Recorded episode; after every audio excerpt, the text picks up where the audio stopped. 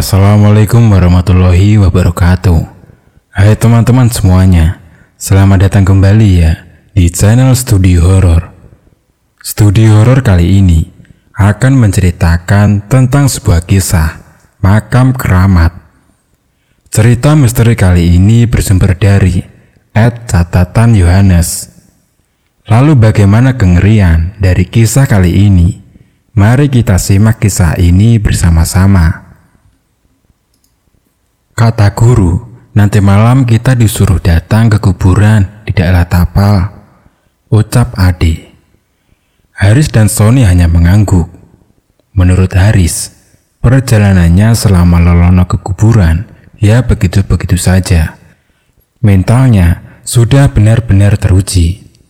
Tapi, kata Ade yang tidak mau melanjutkan. Tapi apa? Serentak, Sony dan Haris bertanya penasaran. Karena juga Ade menunjukkan gestur wajah yang tidak seperti biasanya.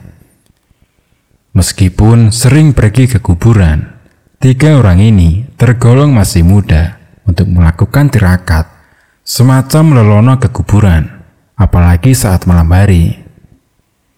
Ini menjadi pengalaman pertama dari ketiganya. Ade tidak menjawab rasa penasaran dari kedua temannya itu. Ade pun memilih untuk menutup rapat-rapat mulutnya. Malam hari pun tiba. Mereka berangkat ke kuburan sekitar pukul 12 malam. Begini ternyata suasana makam pada malam hari. Ujar Sony sembari melipat kedua tangannya menandingin. Lain halnya dengan Haris, keadaan yang sunyi membuat hatinya bergetar. Dituntut untuk berani, namun rasa takut seakan mencuat menguasai hatinya. Ade hanya diam. Gestur datar, seperti biasanya, masih tetap dia perlihatkan. Ini makam yang mana ya yang kita tuju? Tanya Haris dengan suara bergetar.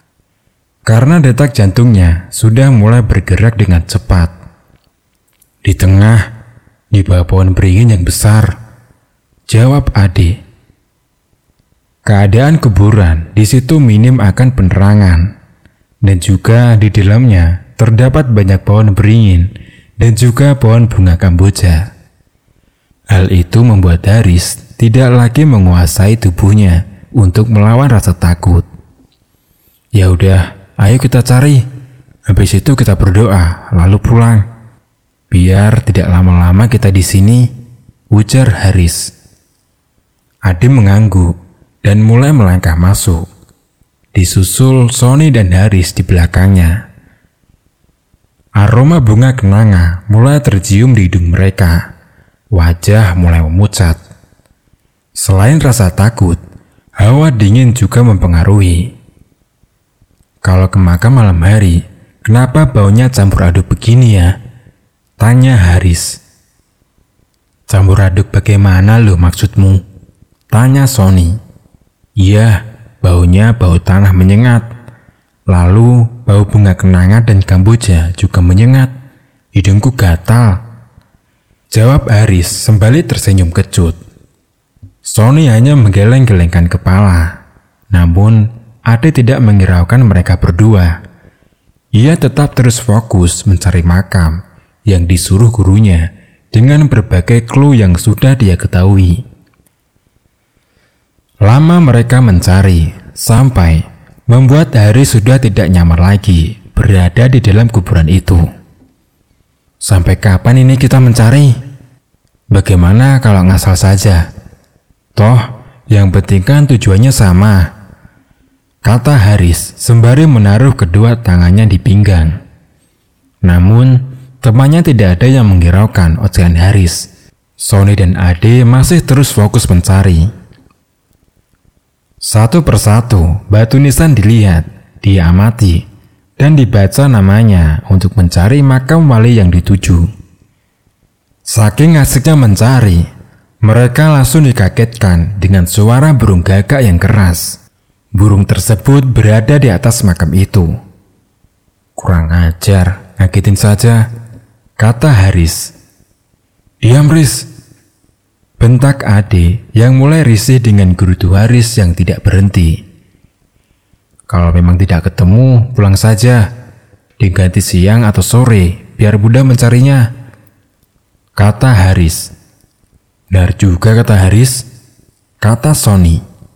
Tidak, ini pasti ketemu. Kita berpencar saja. Pinta Ade.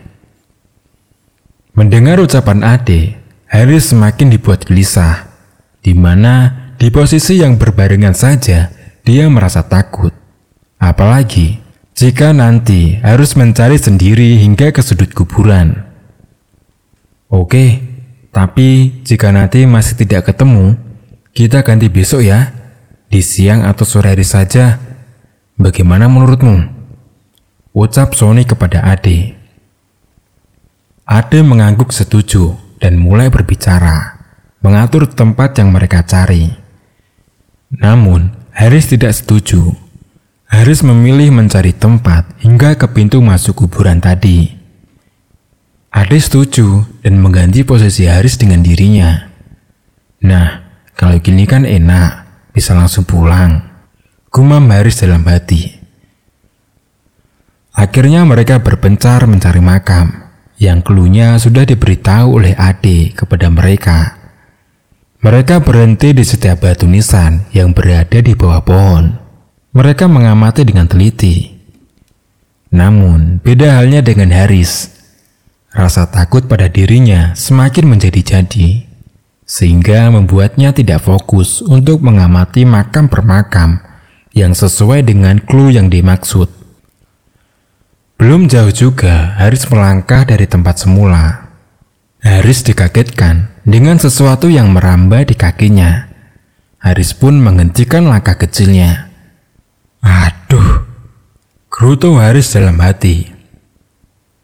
Diam, memastikan berani dalam dirinya. Bola mata Haris mulai melirik ke bawah. Dengan perlahan-lahan, bola matanya turun namun masih tetap dengan kepala tegak. Dengan menarik nafas dalam-dalam, Haris mulai merasakan sesuatu yang merambat di kakinya. Namun kali ini rambatan itu turun, menusuk seperti tangan yang berkuku panjang. Menutup mata dan terus merasakan gerakan tangan berkuku panjang itu yang mulai turun menuju pergelangan kaki dan lama-lama menghilang. Setelah tidak lagi merasakan sesuatu itu, Haris membuka matanya dengan cepat dan langsung menoleh ke bawah. Matanya langsung menyorot kakinya. Ah, tidak ada apa-apa. Gumam Haris. Haris langsung menoleh ke belakang, memastikan makhluk itu sudah tidak berada di belakangnya. Dengan penuh keyakinan, Haris menoleh secara perlahan diawali dengan bola matanya yang melirik ke sebelah kiri, lalu disusul dengan kepalanya yang juga ikut menoleh. Hingga putaran kepala itu tepat benar-benar membuat Haris dapat memandang keadaan yang ada di belakangnya. Kosong.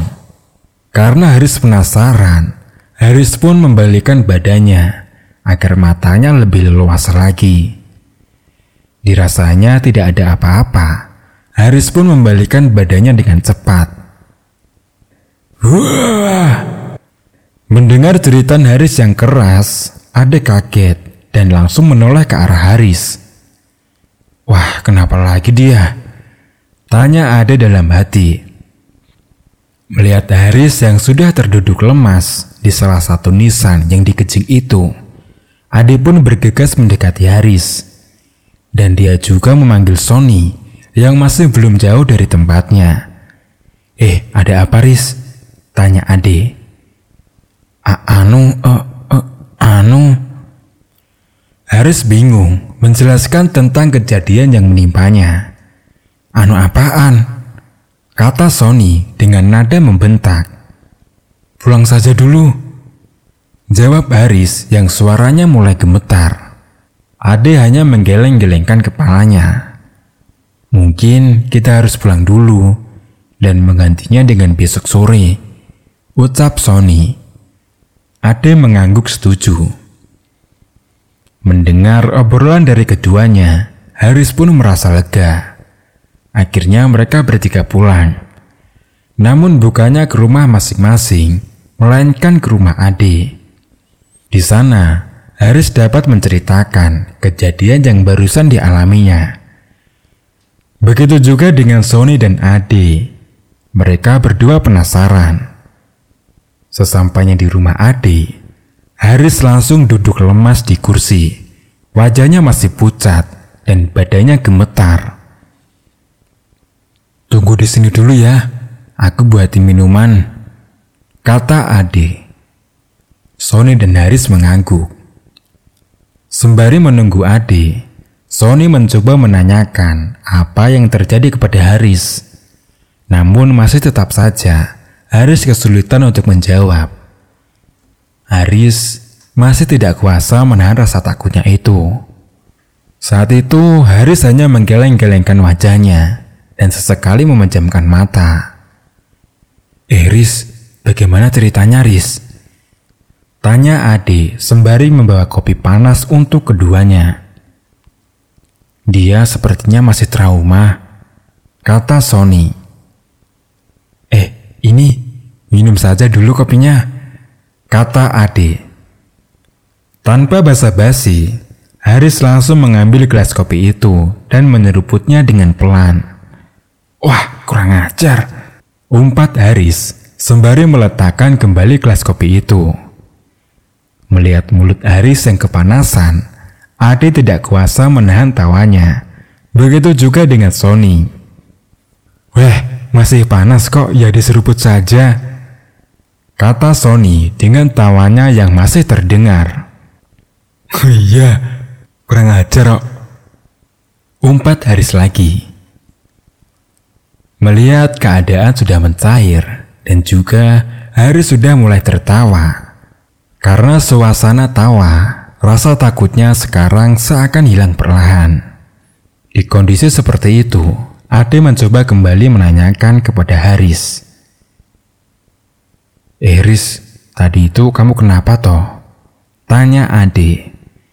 Anu, tadi itu ada tangan. Ada tangan yang memegangi kakiku. Tangannya itu seperti memiliki kuku yang panjang. Jawab Haris. Lalu, kata Ade menyuruh Haris melanjutkan.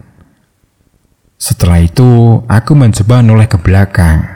Dan benar, kata Haris. Ade mendengarkan dengan seksama, begitu juga dengan Sony.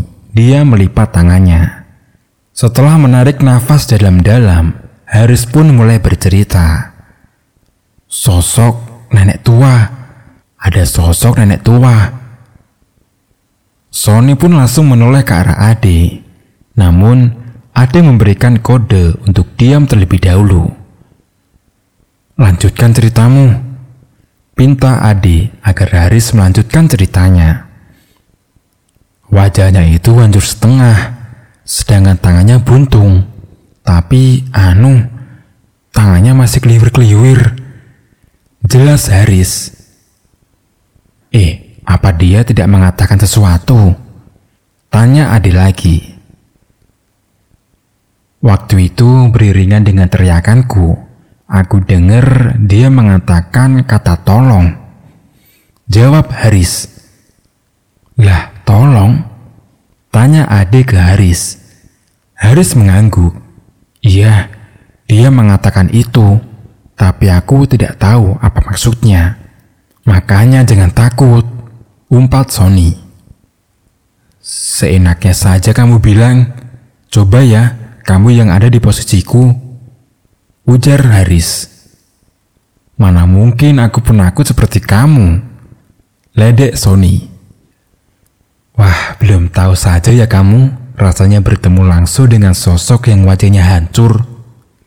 Jawab Haris. Udah, sudah, sudah. Ade, Ade pun menghentikan perdebatan di antara kedua temannya itu. Ya udahlah, besok aku ke sana lagi.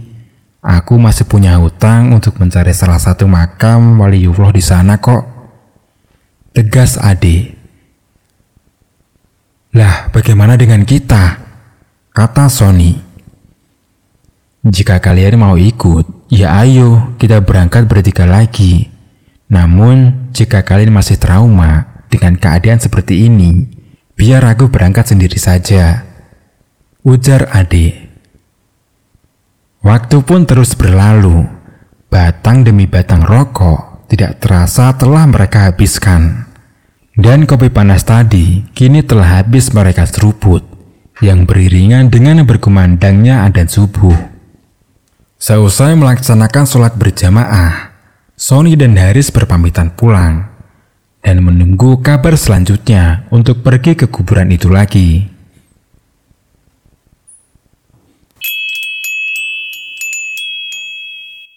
Dering ponsel HP Sony berbunyi. Rupanya, chat WhatsApp dari Ade. Eh, bagaimana? Apa kalian masih mau tetap ikut? Boleh, Bala Sony. Eh, bagaimana dengan Haris? Tanya Ade. Biar aku saja ya yang mengabari dia. Kebetulan juga rumahku tidak begitu jauh kok dengan dia. Jawab Sony. Oke, kita berangkat sehabis Isa ya. Kata Ade. Sony sependapat dengan Ade. Sehabis Isa merupakan waktu yang tidak terlalu larut malam untuk meminimalisir kejadian seperti kemarin juga.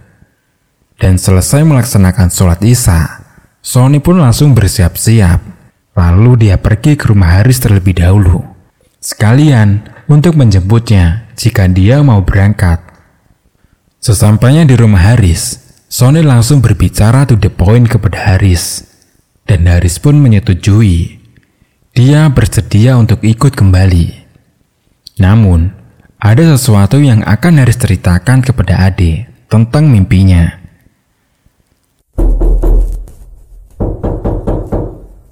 Assalamualaikum. Assalamualaikum. Bunyi pintu rumah Ade sudah mulai terbuka. Waalaikumsalam. Mari silakan masuk. Jawab Ade. Bentar ya, saya mau berganti pakaian dulu. Lanjut Ade. Sony dan Haris pun masuk ke dalam rumah Ade, sembari menunggu Ade berganti baju. Eh, bagaimana dengan mimpimu? Tanya Sony menghancurkan keheningan. Haris di situ hanya diam. Dia tidak menjawab pertanyaan dari Sony. Dan dengan tatapan yang tajam, Sony menunggu Haris menceritakan tentang mimpinya itu. Eh, Bagaimana? Tegas Sony. Bentar, tunggu adik saja. Jawab Haris. Sony pun mengangguk dan akhirnya melepas semua rasa penasarannya. Cukup lama mereka menunggu. Akhirnya Adi datang menemui mereka dan siap untuk pergi ke kuburan yang kemarin. Sebelum Ade membuka suara untuk langsung mengajak mereka berdua berangkat, Sony langsung membuka suara. Eris, katanya ingin bercerita masalah mimpinya. Kata Sony. Mendengar Sony bercerita seperti itu, Haris langsung menyoroti wajah Sony dengan tatapan tajam. Oh iya, benarkah seperti itu, Riz? Tanya Ade. Haris pun mengangguk dengan pelan. Dia merasa tidak pas jika harus berbicara sekarang. Karena nanti akan mengulur waktu ke kuburan dan pada akhirnya ke kuburan akan larut malam lagi. Sudah tidak apa-apa. Ke kuburannya agak malam saja. Kamu ceritakan dulu tentang mimpimu itu. Sepertinya ini lebih penting. Tegas Ade kepada Haris. Jadi begini. Sembari menyalakan rokok, Haris mulai menceritakan mimpinya, di mana dia bermimpi didatangi sosok yang kemarin, tapi dengan keadaan yang tidak hancur. Dan ternyata dia bukanlah sosok nenek tua. Dia masih muda, kisaran umur 30-an. Di sana dia mengatakan, jika sampai saat ini keluarganya belum mengetahui keberadaannya, dan dia juga belum bisa hidup dengan tenang di alam barunya itu. Lalu, kata Ade, jika aku berkenan, aku disuruh menyampaikan kepada keluarganya. Lanjut Haris. Eh, apa dia itu menjelaskan ya tentang keluarganya? Tanya Sony. Haris hanya menggeleng-gelengkan kepalanya. Waktu itu aku keburu bangun. Ya udahlah, kita datang saja dulu ke makam. Mungkin nanti dia mau hadir untuk menemui kita, ujar Ade. Sony dan Haris mengangguk, menyetujui permintaan dari Ade. Eh, tapi apa kamu tidak akan lari jika ditemunya lagi? Tanya Sony sembari tersenyum meledek kepada Haris. Dan dengan tatapan kecut, Haris menjawab, Kalau tahu masalahnya seperti ini, aku jadi kasihan loh kepadanya. Aku pegang ya omonganmu, tegas Sony. Perjalanan pun dimulai. Ketiganya pergi ke kuburan waktu itu di mana tujuan utamanya kali ini berubah. Jika awalnya ingin mencari makam waliullah, kali ini tujuannya mereka adalah mengulik cerita lengkap dari arwah Mr. X yang menghantui Haris hingga datang ke dalam mimpinya. Tidak terlalu malam, sekitar pukul 10, mereka telah sampai di kuburan yang dimaksud. Dan tanpa lama-lama lagi, Ade memulai masuk terlebih dahulu ke dalam makam, disusul Haris dan Sony. Menoleh ke arah kanan dan ke kiri, ternyata masih kosong. Mereka masih bingung harus mencari ke mana untuk menemukan arwah tersebut. Eh, ke mana ya kita ini harus mencari? Tanya Sony. Wah, aku juga masih bingung loh. Jawab Ade. Eh, mungkin kamu ada saran, Riz? Ucap Ade, sembari menoleh ke wajah Haris. Haris pun diam sejenak, lalu menarik nafas dalam-dalam dan mengembuskannya secara perlahan. Oh iya, bagaimana jika kita tunggu saja? Kita tunggu di tempat di mana aku kemarin dihantui itu. Ujar Haris. Wah, ide bagus itu. Jawab Ade. Ya, aku juga setuju dengan Haris, kata Sony. Dengan kesepakatan, akhirnya mereka melangkah menuju tempat yang ditunjukkan oleh Haris. Selangkah demi langkah, makam per makam mereka lewati. Hingga terkadang harus naik juga ke atas kijing. Karena itu saking padatnya makam. Aroma bunga kenanga mengarungi langkah mereka dicampur juga dengan harum aroma melati dan juga bunga kamboja yang sangat menambah aura mistis bagi mereka. Rasa penasaran bercampur aduk dengan rasa takut. Detak jantung mereka juga mulai berdetak tak berirama lagi bagi Haris dan Sony. Antara siap dan tidak saat menemui makhluk itu.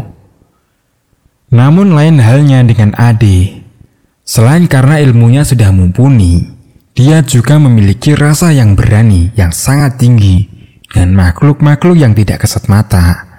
Mentalnya pokoknya sudah benar-benar teruji. Arah yang sangat dekat dari pintu masuk menuju lokasi yang telah disepakati terasa amat jauh. Eh, langkahku kok terasa amat lambat ya? Ucap Haris memecahkan keheningan di antara mereka. Iya, Aku juga begitu. Timbal Sony. Ade hanya tersenyum mendengar percakapan Haris dan Sony. Eh, kenapa lo kamu tersenyum? Memangnya kamu tidak takut? Tanya Haris. Ade saat itu tidak menjawab. Dia hanya menggeleng-gelengkan kepalanya saja. Dia itu berbeda dengan kita. Kamu itu loh, tidak perlu bertanya seperti itu. Kata Sony sembari memasukkan tangannya ke dalam saku celananya. Ya juga ya, sembari tertawa kecil. Rasa takut kala itu mulai tertutupi dengan adanya candaan dari Haris. Sony pun akhirnya mulai lupa dengan rasa takutnya. Tawanya mulai terdengar lebih keras dari sebelumnya.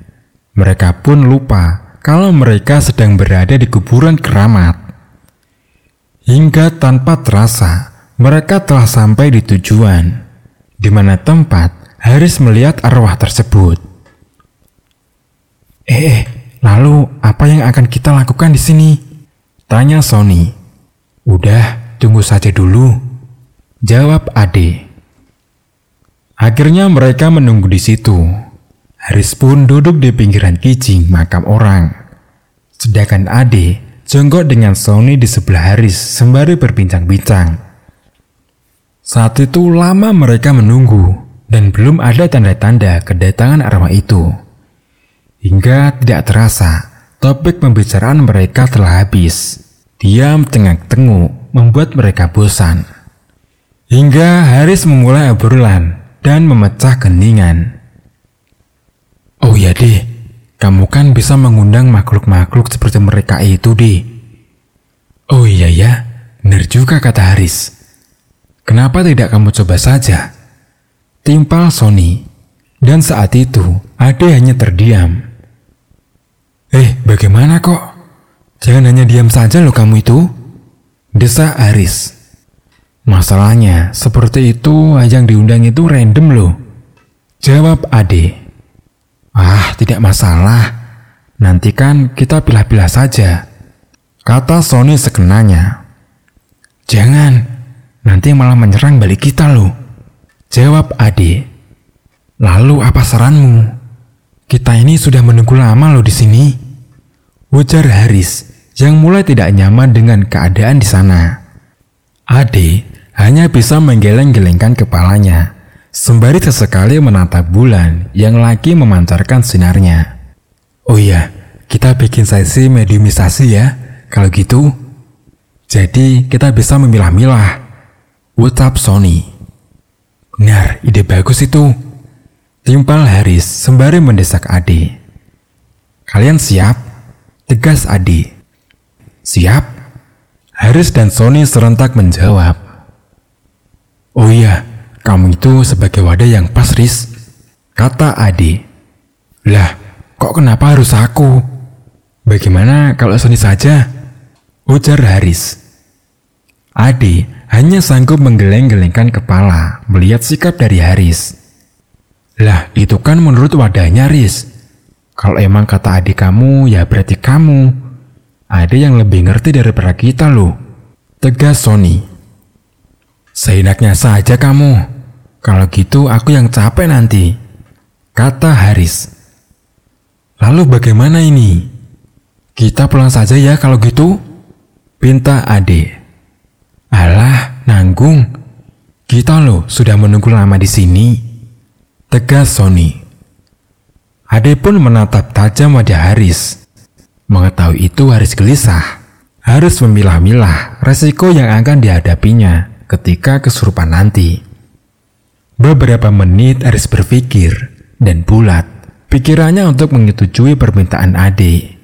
Menurutnya tanggung juga, sudah menunggu lama tidak ada hasil. Juga kasihan dengan arwah tersebut dan juga biar cepat tenang di alamnya nanti. Oke, baiklah, aku setuju, kata Haris. Ade berdiri dari jongkoknya, sembari matanya menyoroti sekeliling. Bagaimana? Tanya Sony. Ya udah deh, ayo. Jawab Ade. Sony pun akhirnya ikut berdiri dan disusul dengan Aris. Oh iya, apa yang harus aku lakukan? Tanyanya kepada Ade. Kamu ikuti saja ya perintahku, kata Ade. Haris pun di situ mengangguk. Lalu ritual dimulai. Haris menuruti apa yang diperintahkan oleh Ade. Ade pun memulai menarik satu demi satu dedemit untuk dikumpulkan di tempat itu. Dan Haris secara perlahan-lahan mulai merasakan hawa yang tidak pernah dia rasakan. Begitu juga dengan Sony. Bulu kuduknya mulai berdiri, merinding, mulai menyeruak keluar dari dalam tubuhnya. Allah! Diiringi dengan sekali hembusan, satu makhluk coba dimasukkan ke dalam tubuh Haris. Kesadaran Haris mulai hilang, Dan perlahan, makhluk itu mulai bisa menguasai tubuh Haris. Dimulai dengan tertawa keras, namun sudah bisa ditebak jika itu sudah bukan lagi suara Haris. Assalamualaikum, kata Haris. Assalamualaikum, kata Ade lagi. Makhluk itu Makhluk yang masuk ke dalam rak Haris hanya menggeram. Sembari terus senyum sinis menatap Ade dan Sony. Siapa ini? Tanya Ade. Kalau kamu tidak mau menjawab, aku bakar kamu. Kata Ade. Hanya menatap Ade dengan tatapan sinis. Lalu tangan makhluk itu seakan ingin mencakar wajah Ade. Sony pun sekuat tenaga memegangi tangannya. Akhirnya Ade membacakan beberapa bacaan ayat suci, dan dalam sekejap saja makhluk itu akhirnya berbicara, namun dengan nada yang keras. Panas, panas. Eh, siapa ini? Tanya Ade. Apa mau kalian? Kata makhluk itu. Kita mencari makhluk yang katanya korban kecelakaan. Dan dia datang ke mimpi Haris. Kata Ade.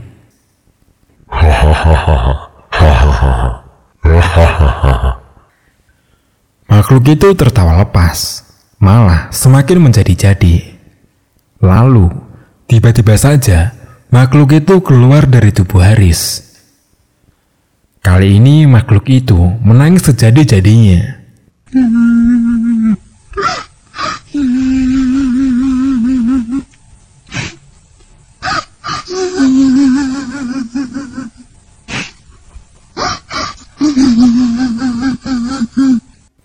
Kamu kenapa? Tanya Sony. Tiba-tiba, makhluk itu merubah tangisnya menjadi tawa. Heh, kamu loh, kamu tiba-tiba tertawa. Kenapa? Tanya Ade. Kalian manusia bodoh. Kata makhluk kedua yang masuk ke dalam tubuh Haris. Apa maksudmu? Tanya Ade lagi. Jawab dari makhluk hanya tertawa. Meskipun berbagai pertanyaan telah disampaikan.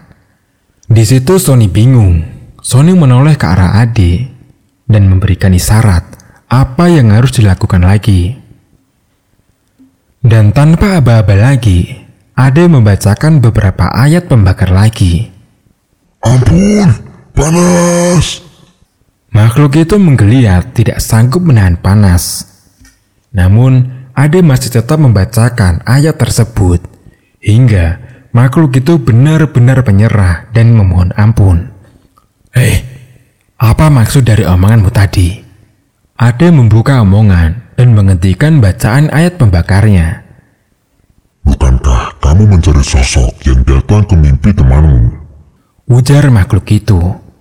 Iya, serentak. Ade dan juga Sony menjawab. Aku akan datangkan sosok yang kamu cari, tapi ada syaratnya. Kata makhluk itu dengan tatapan melas kepada Ade. Apa syaratnya? Tanya Ade. Keluarkan aku dari raga anak ini. Aku tidak kuat menahan panasnya. Kata makhluk itu. Ya, baik.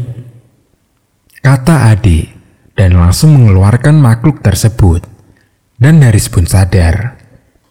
Namun, tanpa butuh waktu lama lagi, Haris kembali kesurupan. Jin yang masuk ke dalam raga Haris lain lagi dari kedua sosok sebelumnya yang masuk.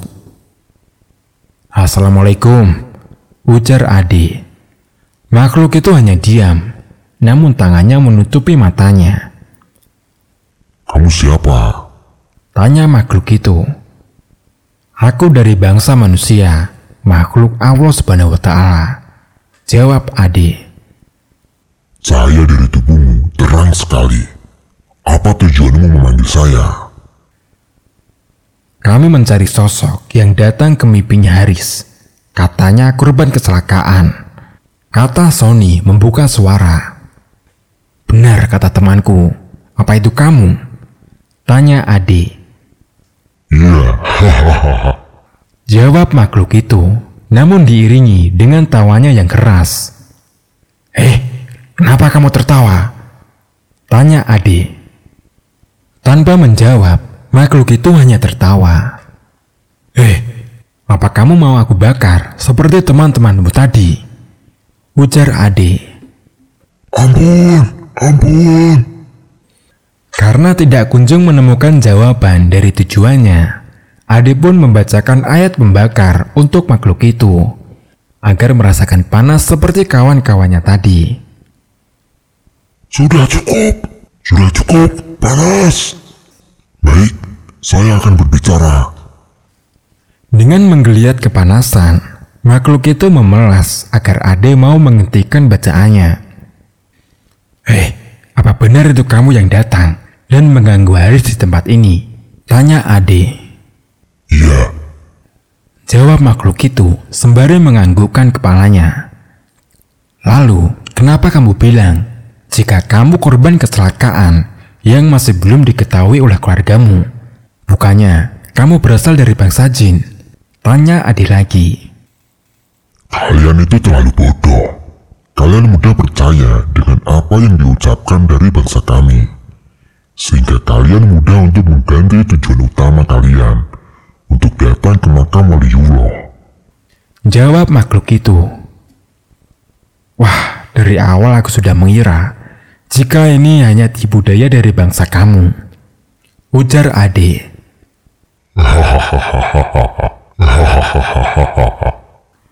Jin itu hanya tertawa. Sony menoleh ke arah Ade dan memberikan isyarat agar dikeluarkan saja makhluk itu. Toh, semua yang dicari sudah selesai. Tinggal yang terakhir, mencari makam waliullah yang dimaksud guru. Ade pun mengangguk dan langsung mengeluarkan makhluk itu dari tubuh Haris. Seketika Haris pun tersadar. Lalu, Sony menceritakan hasilnya kepada Haris. Haris sungguh terkejut mendengar penjelasan dari Sony. Hei, apa benar begitu deh? Tanya Haris kepada Ade yang masih tidak percaya dengan penjelasan dari Sony. Ade pun mengangguk, lalu Ade berkata, Ya udah, ini buat pelajaran bagi kita semua. Apabila tujuan kita sudah lurus karena Allah Subhanahu wa taala, jangan lagi mudah disesatkan oleh tipu daya dari bangsa jin. Dan cerita pun selesai. Terima kasih teman-teman sudah mendengarkan cerita ini hingga selesai. Cerita ini merupakan kisah nyata. Dan untuk nama orang, juga tempat yang telah disampaikan tadi adalah nama samaran. Mohon maaf apabila ada salah kata, kalimat, dan juga kesamaan nama orang, tempat, ataupun alur kejadian. Terima kasih. Wassalamualaikum warahmatullahi wabarakatuh.